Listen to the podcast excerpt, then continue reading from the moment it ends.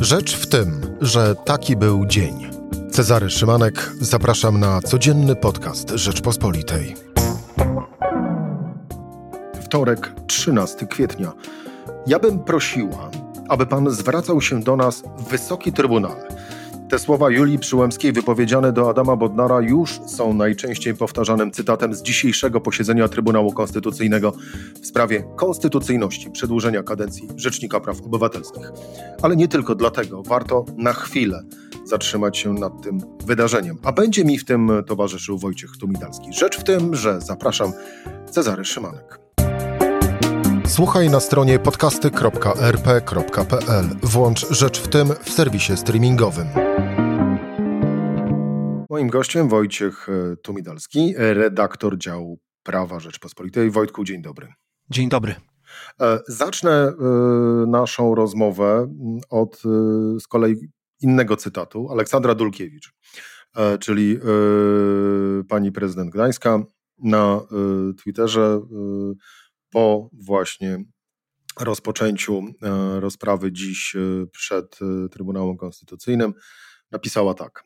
Tak wygląda tak zwana dobra zmiana. W 22 lata od upadku komuny prokurator czasów PRL przepytuje w tak zwanym TK służącego obywatelkom i obywatelom Rzecznika Praw Obywatelskich Adama Bodnara. A na owym zdjęciu symbolu właśnie prokurator Piotrowicz, a właściwie sędzia obecnie Trybunału Konstytucyjnego e, Stanisław Piotrowicz i Adam Bodnar, Rzecznik Praw obywatelskich. E, pozostańmy na chwilę przy, przy tym obrazku właśnie, Wojtek. Tak, no, ty też masz podobno takie odczucia e, zniesmaczenia owym widokiem?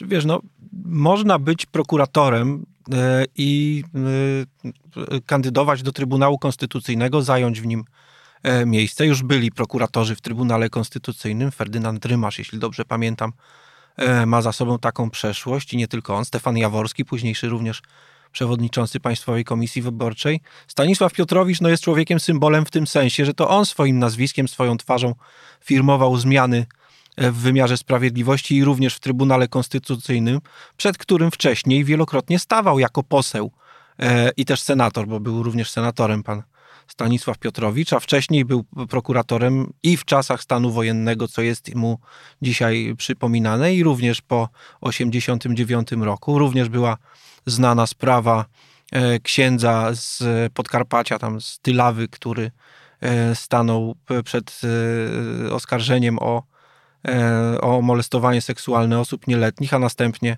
sprawa została umorzona i to pan prokurator Piotrowicz przedstawiał uzasadnienie tego umorzenia, pod którym, jak mówił, sam się nie podpisał. E, opozycjonisty w czasie e, stanu wojennego nie oskarżał, a jedynie się podpisał, no ale dostał to odznaczenie Krzyż Zasługi w tamtym czasie, jak rozumiem, nie za darmo. E, no, także samo bycie, chcę tylko powiedzieć, że samo bycie prokuratorem jako takie przecież nie jest niczym hańbiącym, ani wtedy, ani dziś. E, liczy się to, jak się kto zachowywał e, w danym czasie. No i też być może jak potrafi przesłuchiwać, bo dzisiaj pan sędzia Piotrowicz, który prosto z polityki przeskoczył do Trybunału, co jest największym chyba dysonansem w całej tej sprawie, że, że ta przesiadka nastąpiła tak szybko, że niektórzy do dziś zadają sobie pytanie, czy polityk już się przeistoczył w bezstronnego sędziego, no i kłopoty są z odpowiedzią zazwyczaj, nie? Więc tutaj mamy teraz, mamy teraz taki przykład, kiedy sędzia Piotrowicz przesłuchuje rzecznika naszych praw, bo taką funkcję w systemie państwa sprawuje Rzecznik Praw Obywatelskich i robi w, ta, w taki prokuratorski sposób, ale to, to jest sposób z czasów minionych, bo to jest takie przesłuchiwanie pod tezę, czyli jak rozumiem pod wyrok już mniej więcej zamyślony. Ale wiesz, to mi w pewnym sensie współgra z wcześniejszym z wcześniejszą działalnością słowną, tak to nazwę, e, Stanisława e, Piotrowicza. No bo nie kto inny jak on sam przecież, będąc właśnie posłem, e, mówił o Adamie Bodnarze jako o człowieku opozycji, który działa przeciwko rządowi. No w sumie z drugiej strony można właściwie stwierdzić, że to dla Rzecznika Praw Obywatelskich to jest komplement, no bo stoi na straży praw obywateli, a nie na straży praw rządu. No i to jest właśnie taka funkcja, w której, w której zawsze będzie się przeciwko sprawującym władzę, obojętnie kto by ją sprawował. ja mam osobiste przekonanie takie, że akurat Adam Bodnar, będąc rzecznikiem praw obywatelskich w czasie, nie wiem, rządów Platformy, SLD albo jeszcze innych formacji, jakie tylko mogłyby u nas sprawować rządy, również stawałby przeciwko sprawującym władzę. Taka jest natura tego urzędu. E, pewnie o co innego by się upominał pewnie nie musiałby się aż tak upominać o sprawy związane z praworządnością, ale również w tamtych czasach, bądźmy szczerzy, i to raczej jest wstydliwe wspomnienie, władza e, nie zachowywała się dobrze względem obywateli. Również się zdarzało, że policja nadużyła swoich uprawnień.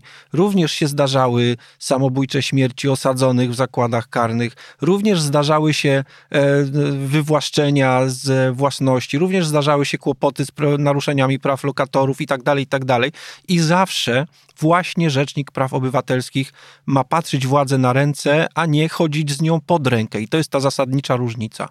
A z naszego punktu e, widzenia tak naprawdę najważniejsze jest to, żeby owa władza jak najbardziej nie lubiła tego rzecznika, bo to wtedy mamy pewność, że ten rzecznik jest po prostu e, dobry. E, Wojtek, rozmawiałeś z Adamem Bodnarem. Tę rozmowę można obejrzeć na stronie rppl bądź na naszym kanale YouTube'owym, czy też na profilu facebookowym. Mm, mi z tej rozmowy najbardziej utkwiła, utkwił w głowie cytat, że mm, no, dosłownie niewiele może nas dzielić, a właściwie dzieli nas od państwa autorytarnego. To było pytanie w kontekście praworządności, twoje pytanie. Tak, i to jest pewien kłopot, bo rzeczywiście rządzący podporządkowują sobie coraz więcej instytucji, e, które e, no, skupiają jakby w jednej wspólnej pięści silnej, silnej władzy, e, a ta siła odbywa się kosztem decentralizacji, kosztem funkcjonowania odrębnych struktur i organów, które na, y, y, pod różnym kątem patrzą na to, co się dzieje, i to obywatelowi ma gwarantować, że jego racja będzie wysłuchana, że jego prawo nie zostanie naruszone, bo ktoś się o niego upomni. Prokurator, o czym pomału zapominamy niestety, e, również jest strażnikiem praworządności.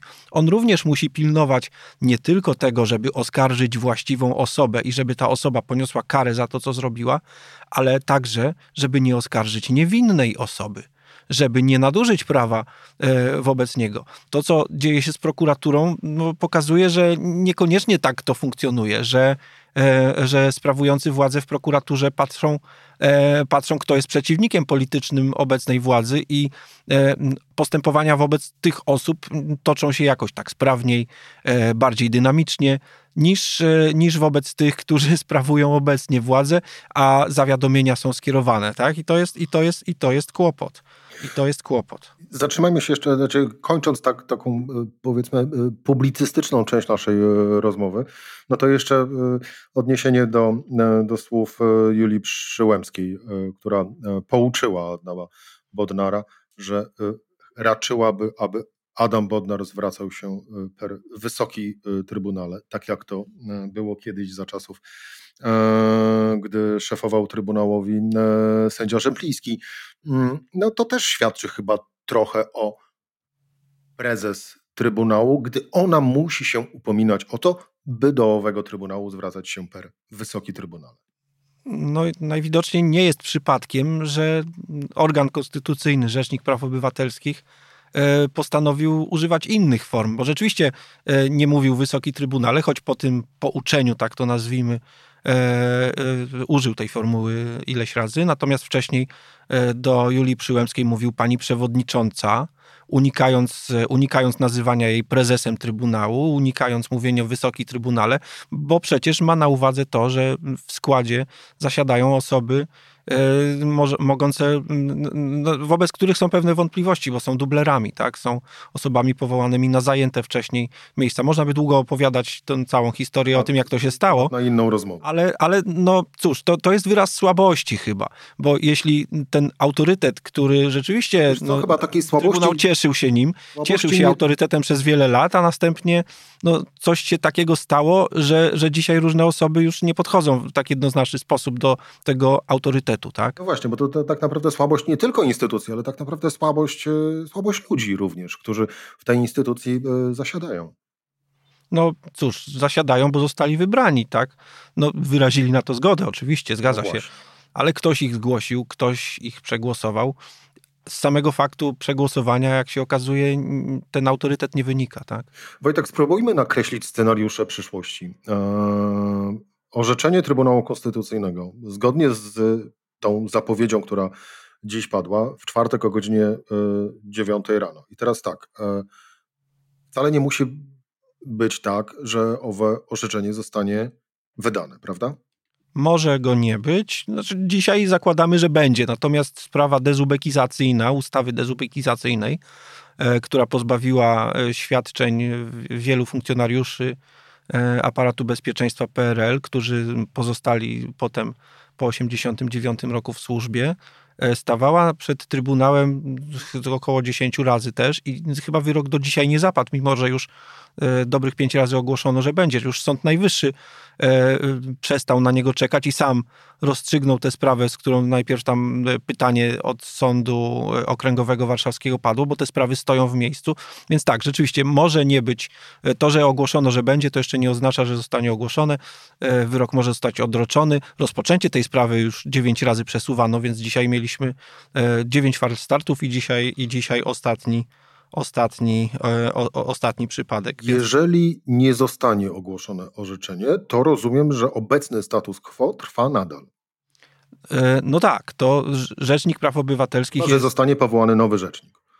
No tylko to samo z siebie chyba się nie może wydarzyć, bo e, no, żeby, e, żeby większość rządząca coś zrobiła w tym kierunku, to najpierw musi być orzeczenie Trybunału stwierdzące, że pozostawanie na urzędzie osoby, która zakończyła kadencję, jest e, sprzeczne z konstytucją i dopiero wtedy można, rozumiem, wyłożyć na stół jakiś projekt ustawy, który coś e, na nowo opisze, pozwoli powołać tylko Sejmowi osobę pełniącą funkcję rzecznika, bo rozumiem, że to wszystko przecież poseł Ast wyłożył nam reprezentant Sejmu w tej sprawie e, no, zupełnie, e, no, e, zupełnie be- bez żadnej żenady wyłożył na stół o co chodzi. O to chodzi, że w Senacie PiS nie ma większości i dlatego nie można e, powołać osoby, której PiS chce powierzyć funkcję bycia rzecznikiem, bo, bo, bo Senat e, to zablokuje. Tu tak? muszę, tu muszę zastopować. Można powołać, tyle tylko, że e, no właśnie, tu potrzebna jest e, refleksja. Potrzebna jest że- zgoda Senatu i Właśnie. potrzebny jest przede wszystkim człowiek, którego poprą dwie izby. A tu okazuje Czyli się, że Potrzebny jest człowiek, który z prawdziwego zdarzenia będzie rzecznikiem praw obywatelskich, a nie tylko i wyłącznie, nazwijmy rzecz po imieniu, funkcjonariuszem partyjnym. no to jest, problem jest taki, że no cóż, upadło myślenie ponadpartyjne o państwie. Musi być człowiek partyjny, którego, znaczy partyjny, niekoniecznie w sensie członkostwa w partii, ale takiego, którego partia poprze. To nie może być, rozumiem, państwowiec, na którego zgodzi się i Sejm, i Senat, gdzie są różne większości, tylko musi być ktoś, kto odpowiada partii. I to jest największy problem, którego, rozumiem, e, chwilowo rządzący nie potrafią przeskoczyć. No. Jak to było? Partia e, dzieli, partia radzi, partia nigdy... Liga, liga. Liga. No, Liga ale- rządzi, liga radzi, nigdy, liga nigdy was nie zdradzi. No tak. No, no właśnie, ale dobrze, idźmy dalej w tymi sc- scenariuszami. Jeżeli w czwartek o tej godzinie dziewiątej zostanie wydane orzeczenie, że e, owe e, trwanie cały czas kadencji Adama Bodnara, e, mimo niepowołania nowego rzecznika, ale że trwanie owej kadencji jest niekonstytucyjne, no to e, no właśnie, to co wtedy? Jakie e, te, tak sumarycznie, jakie możliwe scenariusze leżą na, na stole? Zostaje No, no- powołane pełniące obowiązki? Wiesz, no przede wszystkim to są jeszcze zastępcy rzecznika, bo rozumiem, że jeśli by uznać, że e, e, istnienie rzecznika po upływie jego kadencji jest, jest niekonstytucyjne. Swoją drogą ciekawe, że te same rozwiązania obowiązują w Najwyższej Izbie Kontroli w Narodowym Banku Polskim, e, gdzie również no, prezes ma kadencję, potem kończy i dopóki nie wybiorą następnego, to rządzi on. I to jakoś do tej pory też nikomu nie przeszkadzało. Ale wróćmy do scenariuszy. Mhm. E, Są zastępcy rzecznika, których, e, których e, funkcjonowania e, nic nie blokuje. Będzie mógł powołać, rozumiem, że nowy rzecznik może powołać nowych zastępców. E, Na przykład Stanisław Trociuk jest zastępcą Rzecznika Praw Obywatelskich już co najmniej 15 lat, jak nie dłużej. I gdy w katastrofie smoleńskiej zginął e, Janusz Kochanowski, Rzecznik Praw Obywatelskich, to Stanisław Trociuk pełnił urząd rzecznika pod nieobecność e, no, z powodu śmierci rzecznika, ale to jakby jest inna sytuacja, tak? W każdym razie są zastępcy rzecznika, którzy, których mandat nie będzie podważany. E, kiedy pojawi się jakiś pełniący obowiązki, wybrany przez sam Sejm, bo o takich tak koncepcjach być? się mówi, no wiesz co, jak ktoś położy ustawę na stole, ona zostanie uchwalona przez Sejm, potem przez Senat musi też przejść, tak? Potem znowu, po, potem Senat ją zablokuje, to wróci do Sejmu, będą jakieś e, poprawki, czy o, głosowanie nad ustawą, która jednak przejdzie, bo będzie jeszcze większa większość, potem prezydent musi ją podpisać i mamy ustawę, tak? I wtedy wchodzi jakiś e, e pełniący obowiązki rzecznika, cały na biało, do urzędu, no i pojawi się wtedy pytanie, co mu będzie wolno robić. Czy na przykład wolno mu będzie e, e, wycofać z różnych sądów różne wnioski, skargi kasacyjne, które do Sądu Najwyższego rzecznik kierował. E, może wniosek do sądu o wstrzymanie połączenia Orlenu z Polska Presse, który, w którym sąd antymonopolowy, Sąd Ochrony Konkurencji w Warszawie wydał postanowienie o o, o wstrzymaniu tego, tej decyzji prezesa Łokiku, która pozwoliła Orlenowi przejąć Polska Presę. Co się, I być może nawet ten pełniący obowiązki rzecznika złoży takie wnioski i wtedy zobaczymy, co zrobi sąd. Bo wcale nie powiedziane, że uwzględni, może uzna, że y, wniosek złożony przez osobę nieuprawnioną na przykład y, nie może zostać cofnięty, tak? I, I co wtedy? To jest jeszcze bardzo wiele niewiadomych. No właśnie. I co wtedy? E, pozostaje nam tylko i wyłącznie czekać do e, czwartku, do godziny dziewiątej, a kto wie, czy tak naprawdę e, w obecnej chwili najbardziej prawdopodobnym scenariuszem nie jest ten, że orzeczenie będzie przeciągane znów w nieskończoność. Wojciech Tomidialski, redaktor Dzięki. działu prawa Rzeczypospolitej. Wojtku, dziękuję, dziękuję Ci bardzo za rozmowę. Do usłyszenia. To była rzecz w tym we wtorek. Cezary Szymanek. Do usłyszenia z kolei jutro o tej samej porze.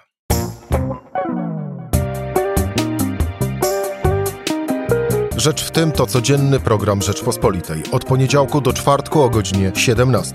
Słuchaj na stronie podcasty.rp.pl. Włącz Rzecz w tym w serwisie streamingowym.